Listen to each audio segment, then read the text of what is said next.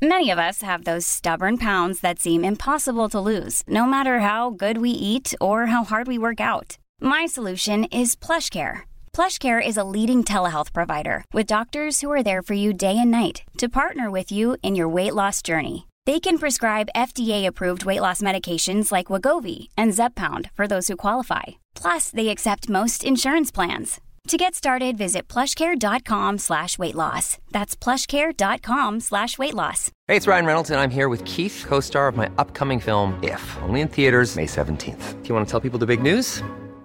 All right, I'll do it. Sign up now and you'll get unlimited for $15 a month in six months of Paramount Plus Essential Plan on us. Mintmobile.com slash switch. Upfront payment of $45 equivalent to $15 per month. Unlimited over 40 gigabytes per month. Face lower speeds. Videos at 480p. Active Mint customers by 531.24 get six months of Paramount Plus Essential Plan. Auto renews after six months. Offer ends May 31st, 2024. Separate Paramount Plus registration required. Terms and conditions apply if rated PG.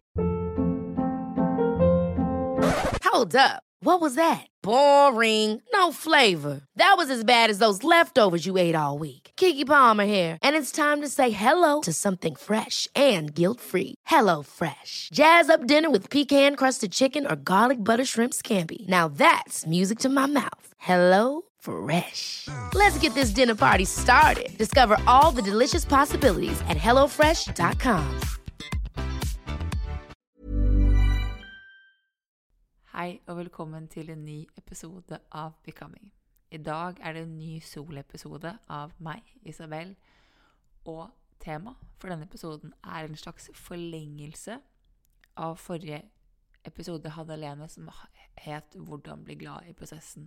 I dag skal vi snakke, eller jeg skal snakke, om hvorfor 85 er godt nok. Jeg har hørt, vel, jeg har hørt mange um, snakke om denne tankegangen her opp igjennom årene. Uh, men så blusset den veldig opp i helgen. Hvor jeg tenkte ok, dette er noe vi må snakke om i podkasten. Jeg har lyst til å snakke om viktigheten av det å kunne faktisk ikke gå all in. Hvorfor har det sånn at ved å ikke gå all in, så presterer du faktisk bedre?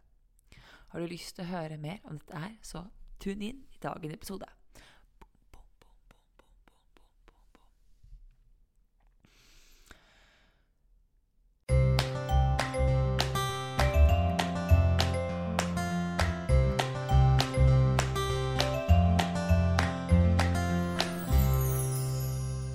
Jeg er veldig glad i idrettsprestasjoner. Toppidrettsutøvere er mennesker som fascinerer meg veldig. Og det er mye av det toppidrettsutøvere gjør, som inspirerer meg, som jeg ofte tar med tilbake i min egen livsmestringsteori um, og plan i hvordan jeg ønsker å leve mitt liv. Um, de sier så at liksom, hvis du gjør Eller Robin Sharma sier det jo så fint at har du lyst til å bli som de, så må du faktisk tørre å gjøre som de. Og det er noe med den måten jeg tenker at virkelig dyktige toppidrettsutøvere og deres prestasjoner de, de, klarer å hente frem noe i seg selv som andre mennesker ikke får tilgang til, og det er en evne til å hente opp ting som jeg også har lyst til å lære meg. Eh, og syns jeg det er så ekstremt inspirerende å bare se mennesker prestere utenfor komfortsonen på helt sånt egentlig mirakuløst vis. Jeg har jo en enorm respekt for sånn som Aksel Lund Svindal, som måten han har jobbet med frykten sin på etter at han falt i et løp og kom tilbake året etter, hvor han kjører ned samme babakke som han falt, og hvor kneet ble ødelagt. Året etterpå er han tilbake, og han vinner. Eller folk som måtte går imot oddsen og presterer ut av det blå, eller det folk ikke helt tror da, er mulig.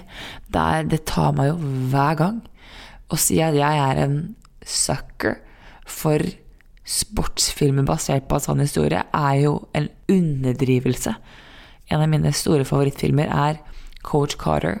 Jeg så den første gang jeg var 17, så den på repeat den helgen der, og ble like skuffet hver gang når det ikke gikk som jeg trodde. Anyways, Grunnen til at jeg snakker om idrett og prestasjoner, er for at i dag skal vi snakke om 85 %-regelen. Og det er en regel som jeg har hørt veldig mange mennesker snakke om i ulike, i ulike settinger. Og det er mentaliteten om at det må være godt nok. Altså 80% er godt nok. Eller 85% er godt nok. Vi har, kjenner helt sikkert alle sammen til perfeksjonismen. Den at det skal være perfekt. Jeg kan ikke gjøre noe før ting er helt strøkent. Og jeg mener at perfeksjonisme går hånd i hånd med skam. Fordi at du, forsøker å overprestere og bli god nok, sånn at du endelig kan kjenne på verdighet og følelse, og at du får det til mestringsfølelse. Men du vil ikke kjenne på mestringsfølelse før det er perfekt. Og det vil aldri bli perfekt. Det er jo det som er ironien. Ting vil aldri bli perfekt. Så det blir en slags sånn et evig hamsterhjul som heter sånn Når jeg blir god, når jeg får til det, da er jeg god nok. Men fordi du alltid kjenner på at du får det til, så kommer du alltid skammen og spiser det etterpå.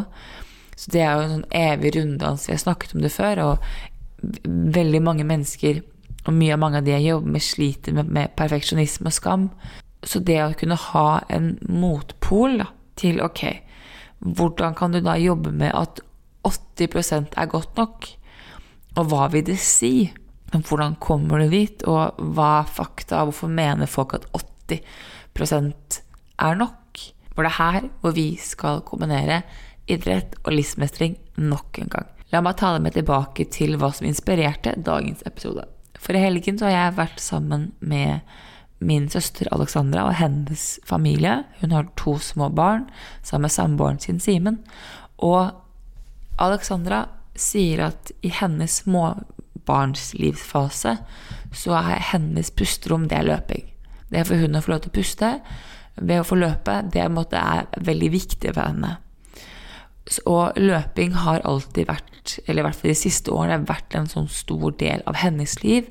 Det er altså hun som inspirerte meg til å begynne å løpe første gang lenger enn bare akkurat fem kilometer. Så, så, begynte vi da å prate om dette her med 85 %-regelen av at For hun sa at for hun så handler løping om den eh, det ritualet, den, det, det, pusterommet, den pausen hvor hun kan være sammen med seg selv. For det er ikke alltid at det er de veldig gode løpsopplevelser du får ved å gå ut, eller ved å ta på deg joggesko og gå ut utøveren, men det er disiplin, det er dedikasjon til deg selv.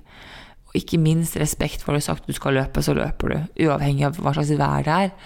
Og da begynte hun å snakke om 85 %-regelen, som gjorde at vi snakket om det eh, rundt middagsbordet. Og da sendte Simen meg en post på Instagram hvor det står som følger når en atlet blir fortalt at de skal løpe 85 av deres kapasitet, så vil de løpe fortere enn hvis de blir fortalt at de skal løpe på 100. Dette er kalt 85 %-regelen, og her er grunnen til at det funker. Carl Lewis var en ni gange olympisk gullmedaljist. Altså, han har vunnet gull ni ganger i OL, men han var kjent som en mester i å avslutte, men en treg starter. Han startet alltid løpet som nest sist, men endte ofte opp med å vinne. Og det ble da kjent at grunnen til at han vant, var ikke fordi han gikk i full speed fra start, det var fordi han gikk på 85% hele veien. Så hva er clouet bak 85% Så står det at når du har dine beste um, altså Engelsk ord er 'performances', men når du presterer best, er det aldri når du prøver, det, altså prøver på ditt hardeste. Det er veldig ofte når oppgaven føles enkelt enkel ut, da, og at du er i en slags flyt. Og det å ha et sånt 85% mindset av det å kunne klare å prestere på et høyt nivå samtidig som du ikke presser deg, det er clouet. Så det handler da om, om, fart, om form og det å tørre Altså og finishing, da. Det å avslutte. Fordi at på 85% så vil du ikke pushe grensene dine. Du har fortsatt rom til å tenke, til å fokusere og til å tilpasse deg. Så, det, så denne, måte, denne regelen sies at det skal hjelpe deg å balansere intensiteten med det å være fokusert og avslappes. Eller avslappet. Og jeg begynte å tenke på å jeg sånn Det der gir så sykt mening. La meg bare ta med et veldig sånn konkrete eksempler som må tas ut av um, vår kjære gullmedaljist Carl Lewis og inn i et slags klassisk livsmestringshverdag her hjemme i 2022. Og det er det at hvis du skal starte på en f.eks. en livsstilsendring som veldig mange starter med i januar, så er det veldig vanlig at man går i 120 ut. Du starter cold turkey mandag. Eh, er det en mandag? Nei, det er vel ikke det. en søndag som er 1. januar i år. Du starter full Altså, du starter cold turkey enten da søndag 1. januar eller mandag 2 og kutter alt det som du syns er godt, alt det du syns er digg. La oss si at du skal kutte livsstil, du skal gjøre om kostholdet ditt. Du kutter alt det som er ligg, alt det som er godt. Og så ender det opp med at du klarer ikke å holde hele veien, for du har ikke noe rom for det jeg kaller reserveliv. Du har, det er ikke rom for å feile.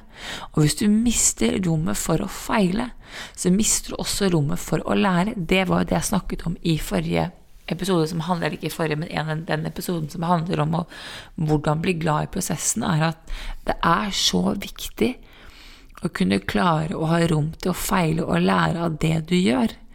Men ved å gå i 100, på 100% så er det ikke rom for å feile. Mens 85% så har du det lille slingringsmålet som heter at går det galt nå, så kan du fortsatt justere. Det betyr klassisk eksempel er jo at eh, La oss si at du skal kutte sukker i januar. Du skal kjøre sånn total detox. Eh, og så går du på en smell, så du spiser én bit sjokolade. Veldig mange mennesker som har et 100% mentalitet, dvs. Si, nå er den dagen her røket uansett. Da kan jeg like gjerne bare dytte i meg resten av sjokoladeplaten, eller gå til og med gå på butikken og kjøpe meg to til fordi dagen er ødelagt. Jeg har allerede spist den sjokoladen. Så hvorfor skal jeg måtte hente meg Hva er poenget med å hente meg inn? Eller eh, du har, skal begynne å trene og misser en dag fordi livet skjer. Hva er poenget med å fortsette nå? Nå mistet jeg én dag. Jeg kom ut av rytme. Da får jeg det ikke til. Mens 85% så kan du hente deg inn. Da er den ene biten med sjokolade ikke ødeleggende for hele det arbeidet du har lagt ned. Og det samme gjelder det jo måte, også da typ i livsmestring. Ja, så går du på en smell. Ok, greit. Hvordan henter du deg inn? Fordi i mine øyne så Og det har jeg sagt før, at det fins ikke en verden hvor du kan gjøre en livsmestringsreise eller personlig utvikling eller endre noen ting uten at du går på en smell. Det er, det er ikke et spørsmål om det skjer, det er et spørsmål når det skjer. Og da er jo tanken ok, hvis du vet at det kommer til å skje, hvordan skal du møtes, eller hvordan skal du hente deg inn igjen? Hva er din comeback rate? Gabby Bernstein er en eh, forfatter, foredragsholder, eh, en form for spirituell leder i USA. Hun sier noe fint som jeg liker veldig, veldig godt. Hun sier at spørsmålet er ikke hvor ofte du handler under off-mentalitet, men hvor fort du henter deg tilbake igjen. Og det er her jeg mener at 85 %-regelen gjelder. Fordi ved å si at du trenger ikke å være perfekt, så fjerner du så på en måte tillater deg selv at du er ok, men da er du 5 da, hvor du kan tryne. Det er 5% sannsynlighet for at det går galt, og det er greit. Det er helt, helt ok. Da kan du hente deg igjen. For ironisk nok så er det som at vi mennesker Eller nå skal ikke jeg snakke for dere der ute, men jeg, Isabel Ingela Corneliussen, har enda ikke lært at det å kjefte på seg selv ikke alltid fungerer. For det er veldig ofte det jeg først tyter hvis ikke jeg får til ting. Nå er jeg blitt bedre på å hente meg min comeback rate, folkens. Den er blitt mye, mye mindre. Den er mye bedre. Jeg er mye flinkere til å være sånn Hei, Isabel, det går greit. Vi Ok, så gikk vi på en smell her, eller så dreit vi på draget, eller whatever happened. Happened. Og så er jeg flinkere til å måtte komme tilbake til meg. Men jeg starter alltid på kjeften. Jeg starter alltid med å være selvkritisk og fortelle meg at jeg er udugelig og ubrukelig. Eh, og hvis jeg ikke klarer å snu den med hodet eh, og snakke med meg selv, så må jeg måtte skrike og, og kjøre hele den sulamitten der. Det er noe helt annet. Men det er jo der jeg alltid går. Så det er ironisk nok så er det sånn Å ja, ok, så jeg har jo enda ikke Jeg har jo lært, men det er fortsatt en prosess for meg å kunne klare å tillate det tomrommet, da, eller det Ikke tomrommet, den comeback-raten, å bli kortere og kortere og kortere. Og det er her jeg tenker at det å da kjenne på Fordi veldig mange mennesker, når man starter på en, på en utviklingsfase eller skal endre en vane, som eh, veldig mange sagt kommer til å gjøre nå i januar, så er det jo det ok. Folk ønsker seg resultatet fortest mulig. Jeg kjenner meg så igjen. Utålmodigheten kommer, frykten kommer, for skjer det ikke noe, vil aldri skje. Du aner ikke hvor lenge du orker å holde. Det virker veldig lenge til. Hvorfor skal jeg gidde å stå i det ubehaget her nå, hvis ikke det kommer til å skje? Altså, disse klassiske tingene. Så har vi lyst til å komme til mål, for jeg har ikke lyst til å være en del av prosessen. Og da blir man utålmodig, og da går du all in. Men det som Det å faktisk tørre, ikke bare bli glad i prosessen, men det å tørre å være en treg starter, som Carl Lewis Jeg kan jo se for meg at han har jo hatt en enorm god kontroll på det å kunne klare å ligge som nest sist. Det kan ikke være noe fett å starte å se at alle andre ligger foran. Bare, ok, jeg er nest sist, liksom. Digg. Men han er kjent kan Jeg se for, jeg har ikke snakket med Carl Lewis personlig, men jeg kan se for meg at han har hatt guts nok og ro nok til å kunne ligge der og vite at jeg klarer å hente inn han foran meg og han foran meg og han foran meg og han foran meg. Og liksom en, det å endre en vane er ikke nødvendigvis en konkurranse med noen andre enn deg selv. Eller som jeg ser på det, så er det en slags konkurranse med det gamle deg ditt. Så er det jo ok, hvordan kan du tørre å ligge og ligge nest sist? Hvordan kan du tørre å være en treg starter? Hvordan kan du tørre å ta de små skrittene som gjør at de store kommer mye mer naturlig? For det å kutte, hvis du er Hvis sjokolade har blitt en del av din hverdag, og det er en måte for deg å gi deg selv eh, kjærlighet på, oppmerksomhet på, trøst på, omsorg på, om det er sjokolade, om det er mat, om det er rødvin, om det er telefon, om det er TV. Eh, altså, kall det hva du kaller det. Om det er andre menneskers oppmerksomhet. Altså, whatever floats your boat. Så det å kutte det helt kan være ganske vanskelig for veldig mange mennesker. Så fremfor å kutte det helt, si ok, trapp ned, da. Trapp ned. Eller kutt helt. Men hvis du tryner ha det jeg kaller for ekstra liv. Tør å være sånn Ok, skal, la oss si at du skal kutte sjokolade helt, for du vil ikke vente lenger. Du kutter det helt. Ok, men gi deg selv ekstra litt. Gi deg selv ett eller to ekstra liv i uken. Sånn, ok, Går jeg på trynet, så er det ikke krise. Hvis dette her skulle gå seg, så er det ikke krise.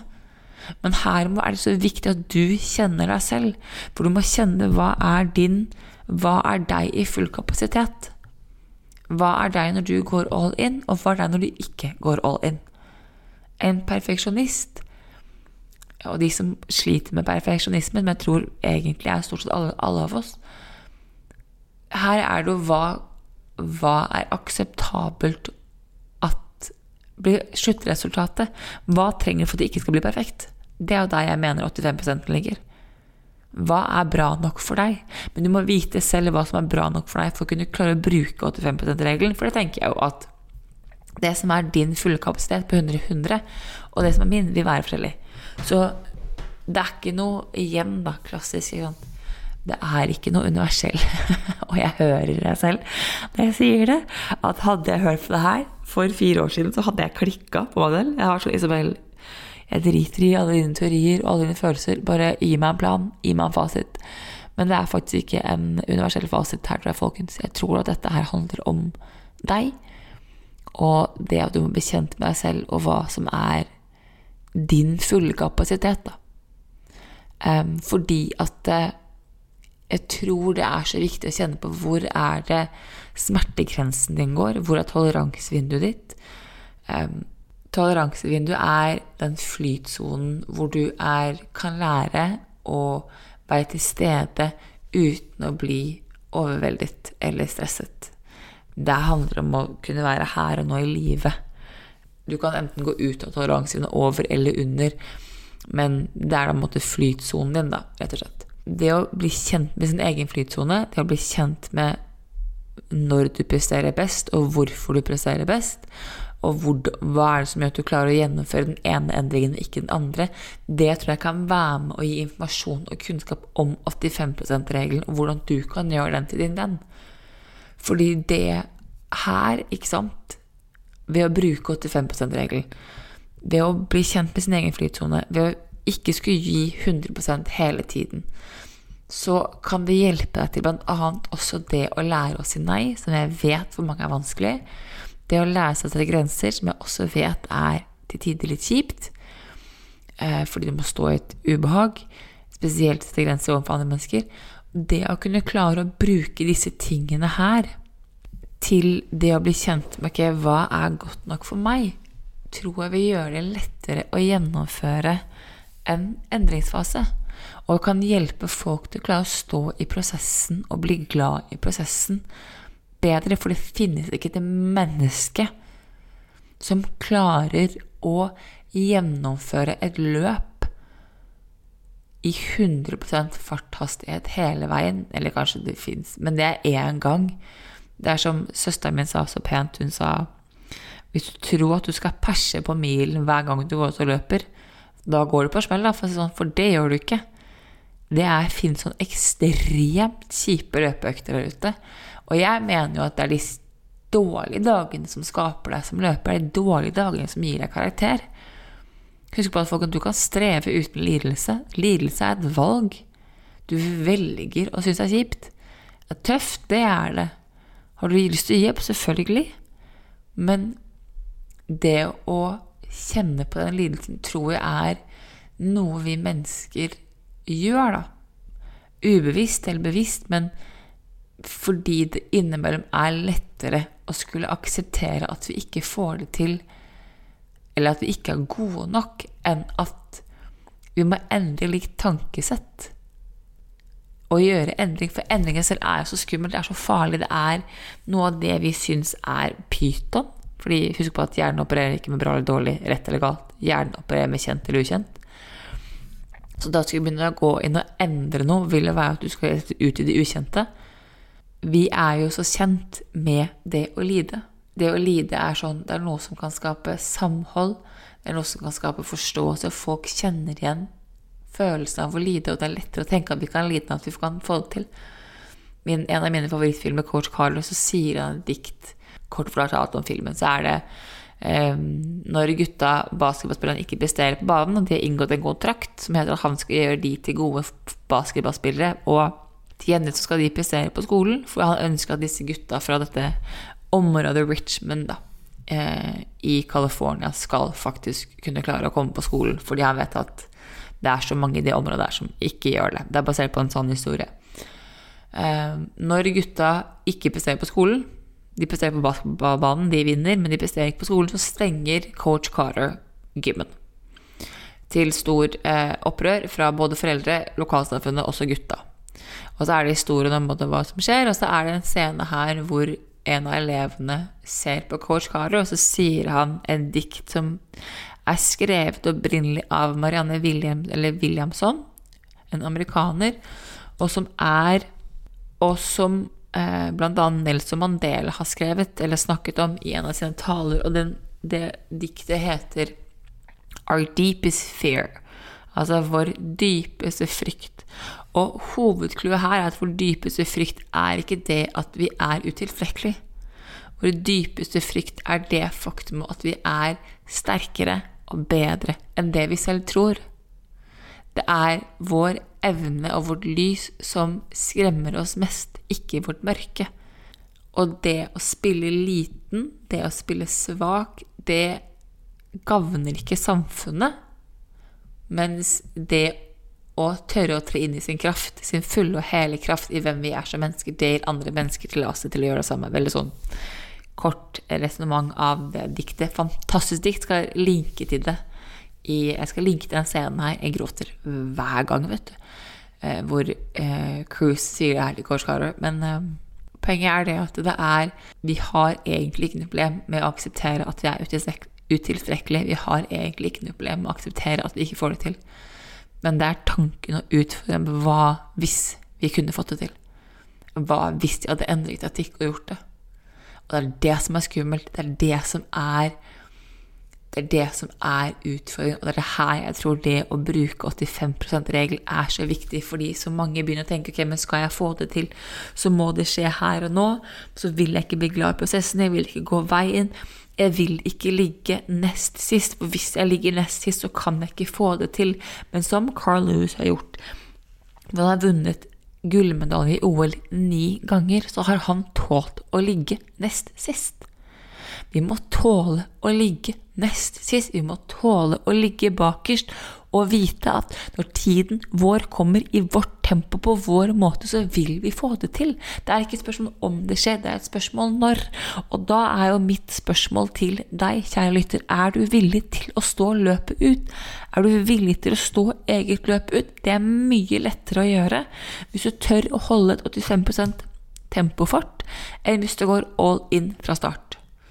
Da holder du ikke lenge nok. Det å begynne å implementere, begynne å tenke på ok, hvordan kan jeg bli Hva kan jeg gjøre for å kjenne på at 85% er godt nok? Slik at jeg kan få bli det mennesket og gjøre det jeg drømmer om. Om det være seg å endre ett liv eller hele verden. Det er opp til deg. Eller om det, er, om, om det ene livet du endrer, er deg selv.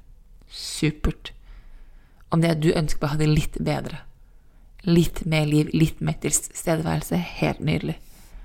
Det er helt supert. Men poenget er at du må tørre å gjøre endringer slik at du kan bli det mennesket du har lyst til å bli. Og her er 85 %-regelen prima. For min del så har det å tenke at 85 er godt nok hjulpet meg til å slippe deler av det utålmodighetspresset og tvilen som heter at skjer det ikke nå, så kommer det ikke til å skje. Fordi jeg tillater meg selv å være mye mer her jeg er. Jeg tillater meg selv å tåle å ligge litt lenger bak. Og så vet jeg at For jeg kjenner meg selv godt nok, jeg kjenner min historie godt nok, og jeg vet at hvis jeg tillater meg selv å stå i det, hvis jeg tillater meg selv å være her jeg er, så kommer jeg til, sakte, men sikkert, å plukke mennesker. For å gi et veldig sånt avsluttende eksempel her jeg vet jeg bruker løping som illustrasjon, men bear with me, folkens.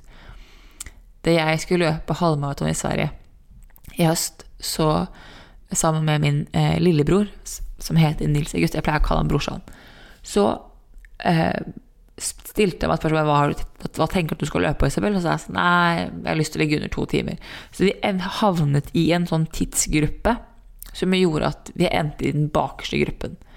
Når du løper i tidsgrupper, så stiller de alltid spørsmål hvor lang tid tror du skal løpe. For så må du løpe med de menneskene som løper i liksom samme tempo som deg. For da kommer dere må, for det er veldig mange mennesker som skal gjennom det løpet her. I hvert fall, vi ender opp bakerste gruppen. Eh, og jeg har jo underestimert meg selv og egenkapasitet til 1000, så jeg burde jo absolutt ikke ligget i den gruppen der, for jeg knuste jo den rekorden min og ideen min om under to timer ganske bra. Poenget var at jeg fikk gjøre det beste jeg vet, og det er å ta igjen mennesker. Jeg får så overtenning av å løpe forbi mennesker, av å plukke folk hele veien. Jeg elsker det. Det er så inspirerende å bare hente inn folk. Så når du så at jeg hadde hentet inn gruppen foran, så fikk jeg enda mer energi til å gi mer.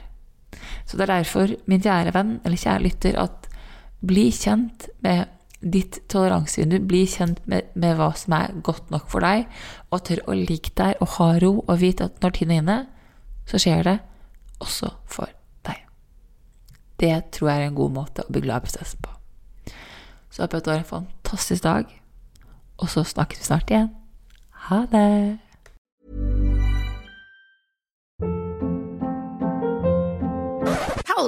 What was that? Boring. No flavor. That was as bad as those leftovers you ate all week. Kiki Palmer here, and it's time to say hello to something fresh and guilt-free. Hello Fresh. Jazz up dinner with pecan-crusted chicken or garlic butter shrimp scampi. Now that's music to my mouth. Hello Fresh. Let's get this dinner party started. Discover all the delicious possibilities at hellofresh.com. Imagine the softest sheets you've ever felt. Now imagine them getting even softer over time. That's what you'll feel with Bowl and Branch's organic cotton sheets. In a recent customer survey, 96% replied that Bowl and Branch sheets get softer with every wash. Start getting your best night's sleep in these sheets that get softer and softer for years to come. Try their sheets with a 30-night guarantee. Plus, get 15% off your first order at bowlandbranch.com. Code BUTTERY. Exclusions apply. See site for details.